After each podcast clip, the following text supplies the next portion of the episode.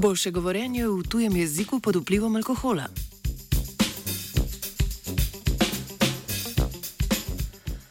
Gotovo se je komu od vas že zgodilo, da ste naprimer nek petkov večer na Metelkovi zapletli, da ste se naprimer nek večer na Metelkovi zapletli v pogovor s španskimi študenti na izmenjavi. V rahlo opitem stanju ste imeli občutek, da je vaše znanje španskega jezika dobilo krila. Pa je bilo res tako? Raziskovalna skupina iz Nizozemske je nedavno izvedla študijo, pri kateri so preučevali ta pojav.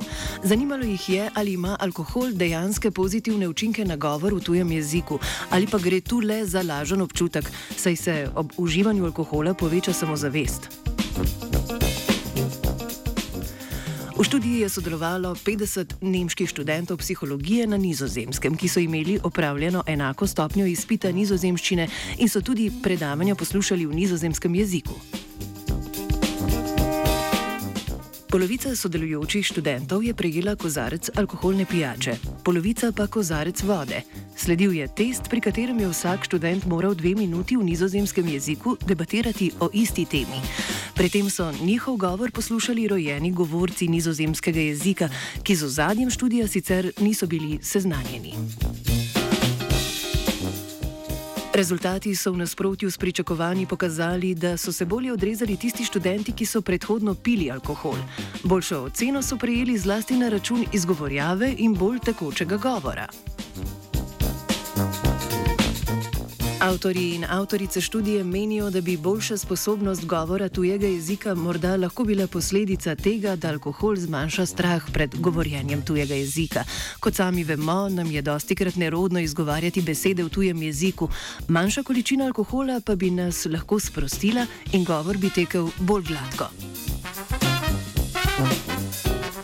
Za konec velja omeniti, da rezultatov študije ne moremo jemati preveč splošno, saj je zajemala specifično populacijo. Tudi ocenjevalci niso bili strokovnjaki za jezik, zato so pri oceni morda spregledali kak pomemben aspekt govora. Upoštevati je treba tudi, da pri uživanju alkohola lahko hitro presežemo tisto mejo, pri kateri so učinki na sposobnost izražanja samo še negativni. Vseeno pa je študija podala zanimive rezultate in pokazala, da v tem urbanem mitu letiči nekaj resnice. Trezna je znanstveni Britov napisala Barbara.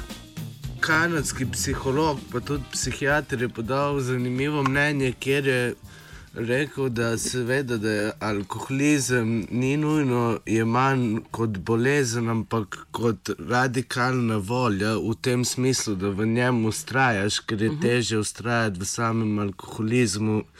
Kot pa iz družine na more. Ja, ja, seveda, ja. seveda. In je s tem potrdil, da to je klena volja, da v tem ustrajaš. Tako da ne vem, zdaj bi pa vam pripustil